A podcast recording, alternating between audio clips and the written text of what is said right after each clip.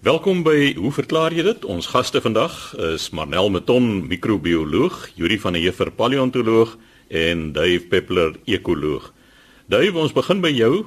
Jy praat weer eens oor voëls. Hoe vind voëls kos? Chris, ja, hierdie is 'n tweede afdeling van 'n vraag van Flopforie, hy van die parakiet wat sy bome so vernietig. Maar hy gaan verder. Hy sê elke jaar as ons see toe gaan by Jongensfontein aan die suidkus, dan gee ek die wilde voëls kos. Dit neem nie 'n halwe dag nie en dan is daar 'n swerm van verskillende voëls wat daar kom vreet. Hoe weet die verskillende spesies hoe vinnig daar kos is? Dit gebeur net eenmal die jaar in Desember, aldus dit nie eintlik 'n gereelde ding is nie.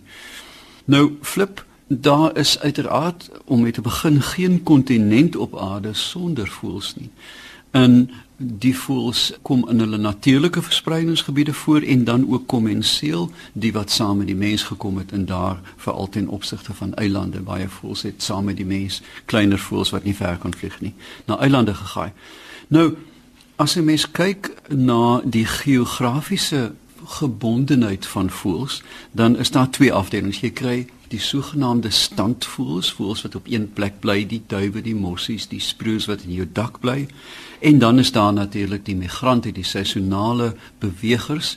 En 'n mens dink in die ekstreme gevalle aan byvoorbeeld ooeievaars en visarende uit Swede wat tot by ons kom, swerfvalke van Europa wat letterlik tot in Stellenbosch kom. Maar daar is duidelik die verskil tussen standvoëls en die wat migreer. Nou, die wat standvoëls is, moet uiteraard staat maak op primêre prikkels om kos te kry uiteraard visie. Ons weet vir 'n feit dat die oë van voëls in 'n groot mate gespesialiseer is in die opsig dat hulle 'n fovea het, 'n verdigting van ligstafies en kegels wat byna 'n mens kan die gelyk tref aan 'n teleskoop of 'n zoom lens dat hulle kan baie stip na 'n ding kyk met baie hoë resolusie. Met ander woorde, die geringste beweging of kleur word op groot afstande opgetel en dis veral verfyn by die roofvoëls, want alle voëls het die fovea.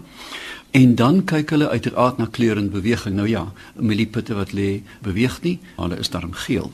Dan is daar uiteraard ook gehoor. 'n Mens besef eintlik nie dat meeste voëls baie verfynde gehoor het alhoewel hulle nou nie uitwendige ore het nie, maar dit is bedek met vere, maar in baie gevalle is die vere aangepas om klankgolwe dan te kaats byna soos die neus van 'n vlermuis en te konsentreer en dit is veral opsigtelik by uile waar hulle die groot ronde skerms om die oor het.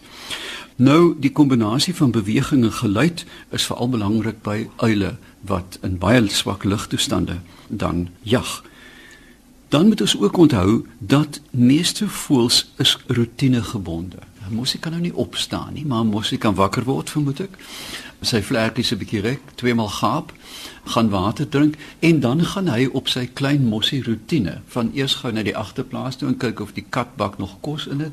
Daarvan af sly gaan na die hoenderhok van mevrou van Graan toe en daar twee milies gaan steel ensovoorts. Met ander woorde, alle voëls is rotinegebonde. Hulle het 'n tuisgebied nommer 1 waarin hulle dan in 'n mate fisies vasgevang is en hulle patrolleer dit gereeld om kos te soek.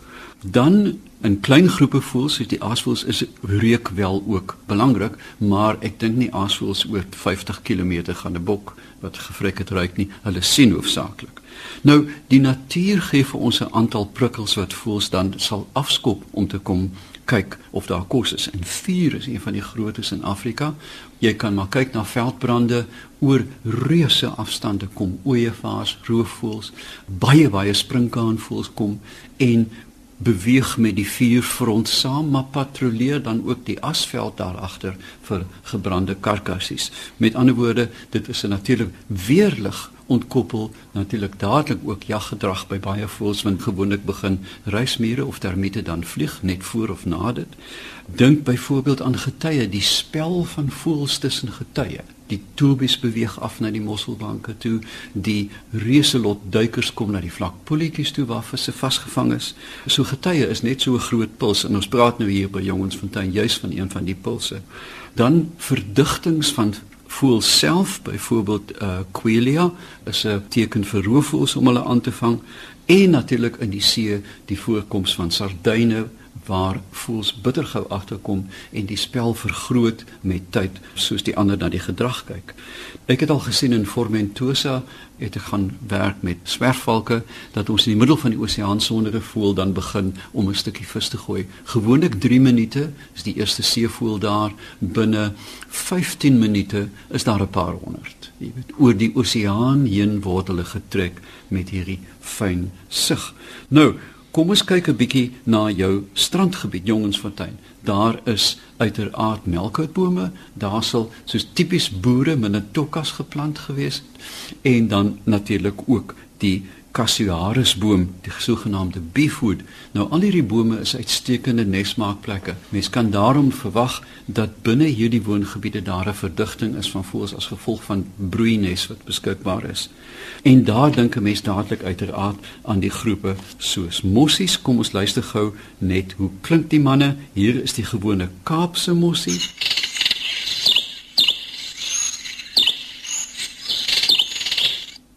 dan die alombekende huismossie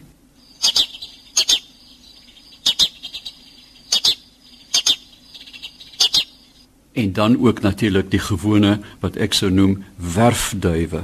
Hier is die ou gewone ou rooi oogduif wat jy op 'n sonndagmiddag uit die slaap uithou.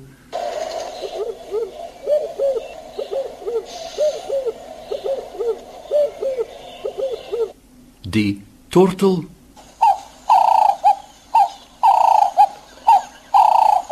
En dan my geliefde lemoenduifie.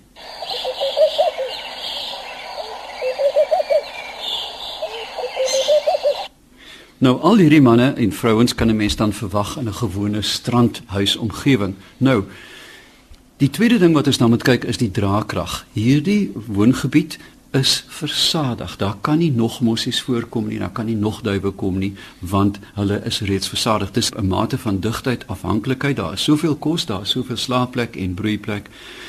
En binne hierdie gebied, veral in Desember, wanneer dit warm is, is daar 'n verhoogde mate van akkuraatheid van of, of miskien toegespitsheid om na kos te soek. Almal soek harder.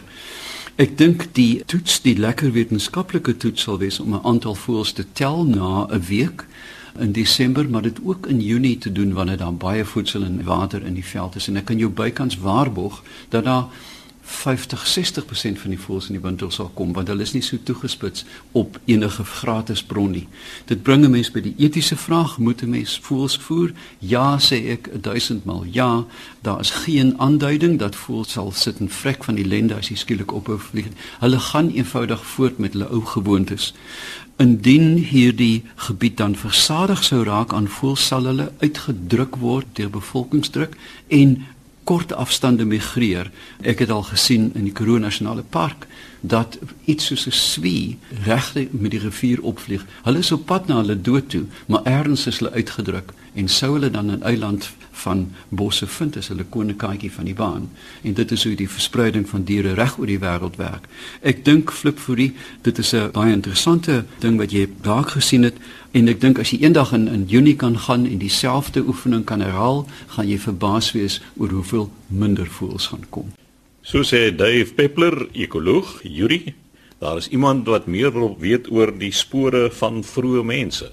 Ja, Chris, en ek moet dadelik sê dit het nie te doen met voetspore nie, maar dit het te doen met aanduidings van vorige beskawings of uh, inwoners van Suid-Afrika. En ons het vanoggend 'n uh, eh, baie spesiale brief van meneer Achim Schreder en hy skryf uit Duitsland uit. So ek weet nou nie of ons vanoggend nou moet harder praat sodat ons nou in Duitsland ook gehoor kan word nie.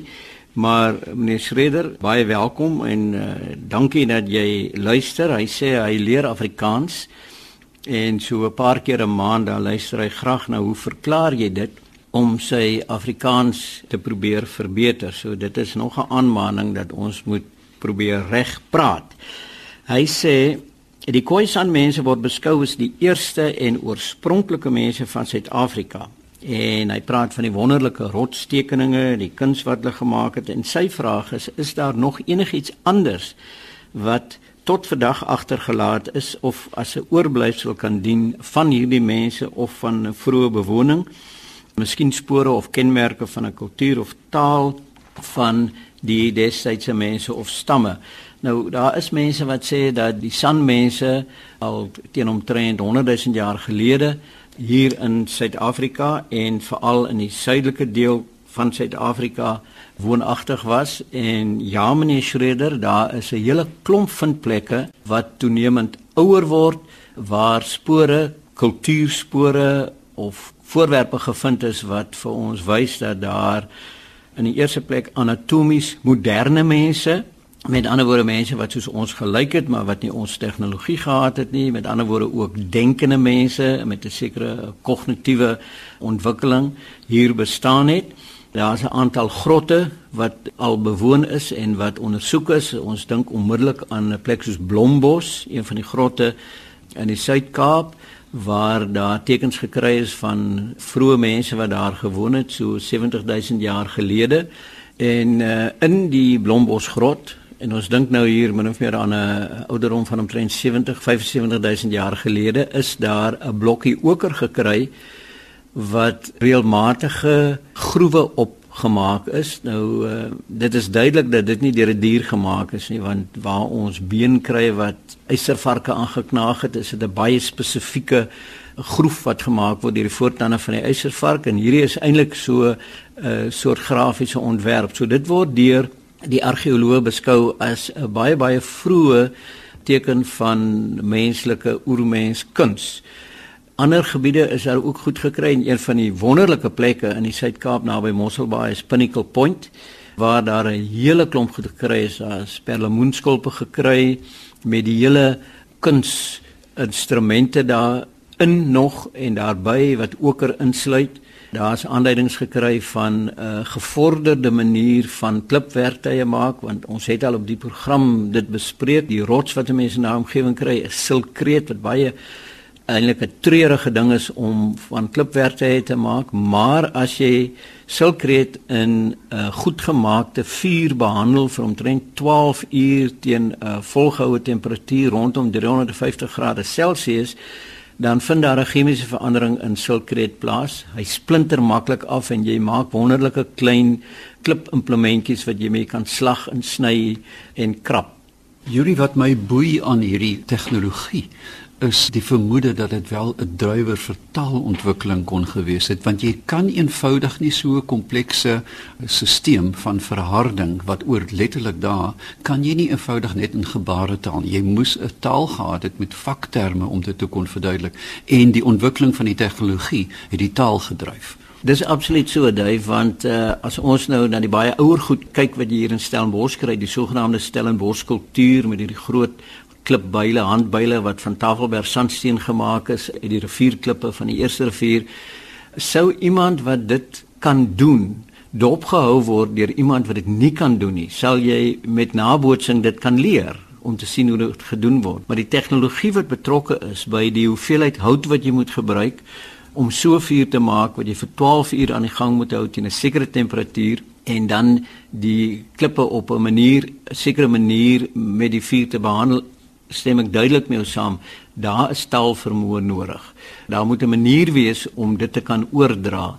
'n Mens kan miskien vir interessantheid net bysit dat uh, Francis Thackeray en die manne het van Australopithecus africanus, die beroemde Tahunkind, uh, analise gedoen, 'n aftasanalise gedoen van die skedel en hulle beweer dat in die afdruk van die brein kan 'n mens al sien dat Broca se gebied wat hier links voor in die brein sit en wat te doen het met taal, ek dink nie met die semantiese gebruik van taal nie, maar die vermoë om woorde te kan uitspreek. Die navorsing het getoon dat Broca se gebied al begin ontwikkel het by Australopithecus africanus. Nou die is in 'n omgewing van 2 miljoen jaar gelede. En ons weet dat diere, primate het hulle eie taal, hulle kan uh, sekere goed uiter, klanke uiter vir gevaar of wat ook al. So dit is nie verbasend dat taalvermoë geleidelik saam met breinontwikkeling en die soort van goed ontwikkel het en saam daarmee meneer Schreder die oorblyfsels van uh, marinevoedsel wat in die blyplekke gekry is dui daarop dat die mense van Pinnacle Point met die laagste stand van laagwater op 'n sekere tyd van die maand kon hulle in die water ingaan om hierdie goed te herwin. So hulle het geweet wanneer dit laagwater is, wanneer dit op sy laagste gaan wees en hulle het dan die strand besoek en die goed versamel en Chris Marion wat die navorsing hieroor gedoen het is oortuig daarvan dat hulle die korrelasie gesien het tussen die stand van die water en die stand van die maan. En hy het 'n hele idee daaroor dat hulle so 'n maankalender kan ontwikkel. So daar is heelwat ander aanduidings van vroeë menslike besetting in die omgewing. Wat my mateloos plesier gee is uiteraard die feit dat die drywers en die artefakte van hierdie ontwikkeling lê in ons kultuur en ons kuns vandag. Jy weet hierdie klein krappies op 'n klip en taal. Nou ja, dit was dan Yuri van der Heever, ons paleontoloog wat gesels het oor die spore van vroeë mense. Laaste aan die beurt vandag, Marnel Meton, microbioloog. Nou, Marnel, almal wat nou al walvisse dopgehou het, het al gesien dat hulle dikwels sulke knoppe, ek wonder dikwels of dit letsels van gevegte is, maar jy gaan nou gesels oor velletsels op walvisse. Dankie Chris. Die letsels waaroor ek wil praat het eintlik te doen met siektes wat ons op hulle vind. So hierdie projek het geduur tussen omtrent 2006 en 2013 ongeveer waar ons gekyk het na van hierdie letsels wat ons op die diere kry, sommige van die wat uitspoel en ons het ook gekyk na 'n kontrolegroep. En alhoewel die befondsing tot 'n einde gekom het, het ons ongeveer 5 publikasies hieruit gekry waaroor ons nogal heel opgewonde was. So net 'n bietjie agtergrond. Walvisagtige diere wat in die orde Cetacea voorkom en in Mammalia, in die klas Mammalia is eintlik die diere waarvan ek hier praat. So dis nie net tegnies walvisse nie. Nou hierdie Cetacea sluit dan nou die walvisse in. Dit sluit ook dolfyne in en die sogenaamde tornyne wat ons ook porpoises in Engels noem of die sogenaamde seevarke.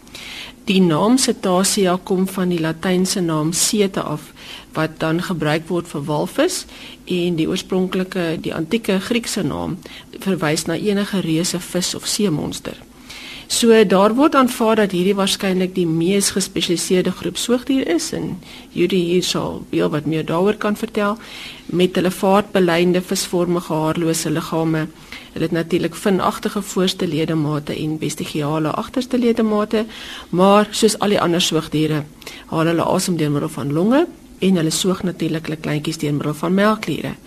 Nou die orde word verder onderverdeel in twee groepe, die sogenaamde balyn of die baardwalvisse en dan ook die sogenaamde tandwalvisse. So dis net so 'n bietjie ter agtergrond. Nou die mense wat eintlik navorsing gedoen het oor hierdie diere is nou van die Iziko Marine Soogdier Instituut hier in Kaapstad wat eintlik deel is van die Universiteit van Pretoria, maar hulle het altyd opnames gemaak oor diere wat uitspoel. En van hierdie diere wat uitgespoel het, die wat nou vars genoeg was, die karkasse was vars genoeg het hulle agtergekom het letsels op die vel, so dit lyk of die dier letterlik siek was. Hulle het toe begin spekuleer oor wat nou die oorsaak was van hierdie velletsels en hulle het gedink dat dit dalk iets met die giskandida albicans te doen kon hê. En so het hulle toe vir professor Alf Botha by microbiologie by die Universiteit van Stellenbosch gekontak en dis op daardie stadium wat ek toe ook hier aangekom het van Mpumalanga af.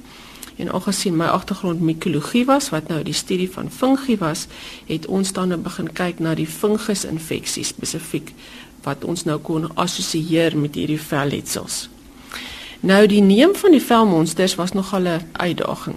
Wat ons eksperimentele groep betref, was dit 'n uitdaging want daar het nie gereeld vars karkasse uitgespoel nie. Met ander woorde diere wat nog vars dood was nie en jy kon natuurlik net isolasies maak van 'n dier wat nou net vars dood is. So daar's enkeles van hulle en dan het hierdie mense van die Risiko Marine Soogdier Instituut vir ons monsters gaan neem want hulle het natuurlik die nodige permitte om dit te doen. Die kontrolegroep was 'n heel ander saak want dit het bestaan uit vry swemmende walvisse of dis 'n suidelike noordkapper walvisse Engels noem ons dit die Southern Right Whales wat in St Helena Bay voorgekom het en soos jy kan dink is 'n vry swemmende walvis nie regtig genee om vir jou velmonsters te doneer nie, so dit was nog al 'n taak en 'n half om dit te bekom. Nou net so 'n bietjie agtergrond oor walvisvel. Onder normale natuurlike toestande is walvisvel natuurlik uitstekende effektiewe beskerming teen omgewingsfaktore, enigiets van die soutwater, die ultraviolet lig, natuurlik patogeniese mikrobes En walvisvel soos ons almal weet is natuurlik baie dikker. Dit wissel van spesies tot spesies, maar as ons nou gemiddeld vat 10 tot 15 keer dikker as menslike vel baie ryk aan keratin en van hierdie epidermale selle bevat ook groot lipiddruppels wat dit dan nou baie effektief maak as 'n waterweerende middel.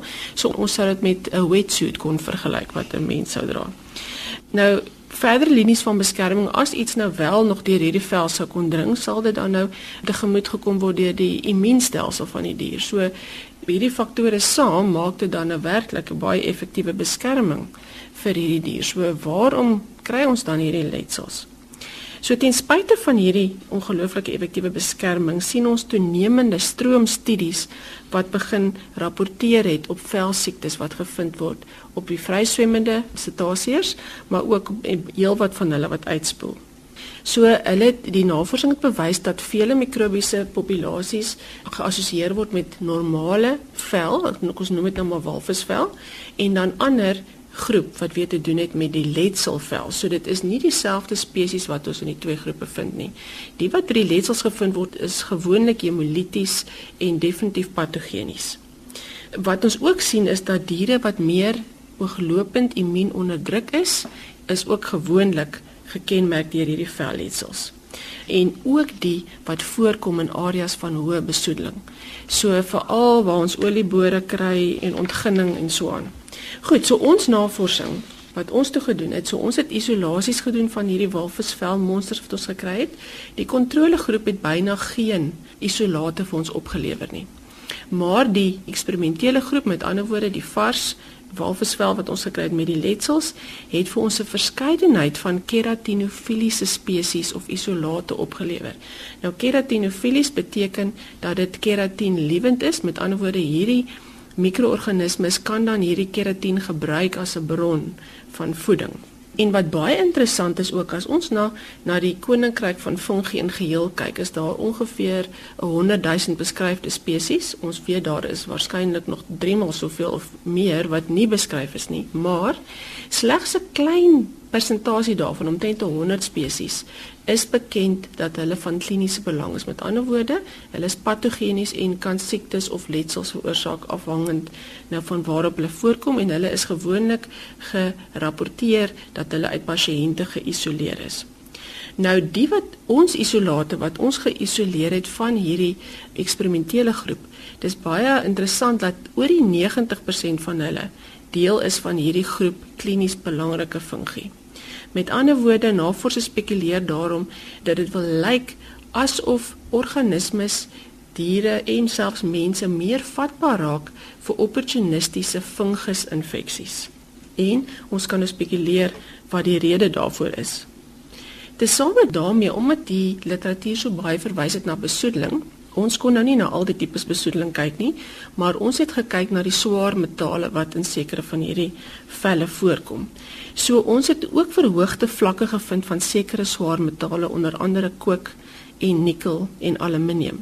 Nou ons weet dat van hierdie metale is spoorelemente en dat hulle nodig is vir die metabolisme van sekere ensieme en so, maar teen hoër konsentrasies raak hulle dan nou toksies. Verder is dit ook bekend dat van hierdie swaar metale byvoorbeeld kook kan akkumuleer in hierdie diere. Met ander woorde, ons sien dat diere wat ouer is, baie hoër vlakke van hierdie swaar metale in hulle liggame sal hê. En wat interessant is ook is dat diere wat in die hoër vlakke van die voedselketting voorkom, ook meer geaffekteer word. En natuurlik ons is ook op die hoër vlakke van die voedselketting, so mense kan nou daai ding deurtrek, hierdie redenasie deurtrek en en vra hoe affekteer dit ons dan nou op die lang duur. Nou so dit het ons nou gebring by die punt wat ons nou begin kyk het na van hierdie toksiese besoedelstowwe. En tipiese toksiese besoedelstowwe wat die kuswaters binnevloei via hierdie stedelike uitvloei sluit in die sogenaamde swaar metale en ook wat hulle noem POPs. Nou POPs staan vir persistent organic pollutants. So dit is gewoonlik organoklorien tipe verbindings wat baie lank vat om af te breek in die omgewing 50 60 en meer jare so hulle bly in die omgewing en hulle kan bly akkumuleer en baie van hierdie is ook wat ons noem lipofilies met ander woorde vetlewend hulle akkumuleer in die vetlaag van hierdie diere en dan die ander groot probleem is die voorkoms van plastiek in die omgewing. So van die groot letterlik bottels wat ons nou sien dryf tot waar hulle nou al afgebreek word tot mikroplastiek. So ons sien dit dwars deur die hele voedselketting veroorsaak dit groot probleme. Nou hierdie stowwe is wel bekend vir vele skadelike effekte op soogdierweefsel, byvoorbeeld neurotoksiese effekte. Daar was al studies wat gerapporteer het dat van hierdie diere hulle rigting verloor, met ander woorde, hoe hulle migreer as gevolg van waarskynlik neurotoksiese effekte. Ons weet ook dit veroorsaak ontwrigting van die endokriene stelsel en dis natuurlik heelwat hormone wat te doen het met metabolisme, ook skadelike effekte op die voortplantingsstelsel. Sommige van hierdie stowwe mimiek estrogen en jy kan nou dink wat daai oormaat estrogen dan sal beteken en dan ook onderdrukking van die immuunstelsel. So dit is wat ons dink ons hier kan sien. So wanneer 'n dier soos hierdie blootgestel word aan baie van hierdie toksiese stowwe raak hulle waarskynlik immuun onderdruk en is daar opportunistiese patogene wat dan op hulle kan begin groei. Verder wat ons ook gevind het is dat groot volumes van hierdie riool uitvloei gekenmerk word deur hoë konsentrasies van opportunistiese patogene en dit sluit onder andere keratinofiliese fungien. Baie hoër konsentrasies as wat mens normaalweg sou vind. En dis hierdie verskynsel wat ons sien dat hierdie uitvloei in die kusareas tesame met die onderdrukking van hierdie diere se immuunstelsels lei dan waarskynlik tot hierdie toestand wat ons sien. So ons weet almal die suidelike noordkapper waarvisse kom hier hulle migreer van die Suidsee af en hulle kom hier na die Kaapse waters in die kusgebiede om te paar en te kalf en dis waarskynlik waar hulle onder andere blootgestel word aan hierdie stowwe. So wanneer ons nou alles in ag neem, glo ons dat hierdie fisiologiese effekte van hierdie toksiese besoedelstowwe tesame met hierdie toenemende voorkoms van hierdie velsiektes wat ons nou sien in hierdie diere van die orde Cetacea eintlik net vir ons 'n indikasie is of 'n heenwyser of 'n bio-indikator van die marine ekosisteem wat onder erge erge druk verkeer as gevolg van antropogeniese aktiwiteite. So hierdie toenemende industriële ontwikkeling en veral die onbeheerde populasiegroei lei tot groot probleme in ons marine omgewing en diere soos hierdie is net vir ons 'n heenwyser na wat kan gebeur en ons moet eintlik ook maar na onsself kyk soos ek gesê het ons is ook op die top van hierdie voedselketting en waarskynlik is dieselfde lot op pad na ons toe. Die tyd het ons ongelukkig weer ingehaal. Dit was dan Marnel Meton, ons microbioloog. Skryf gerus aan, hoe verklaar jy dit? Posbus 2551 Kaapstad 8000 of stuur 'n e-pos aan chris@rsg.co.za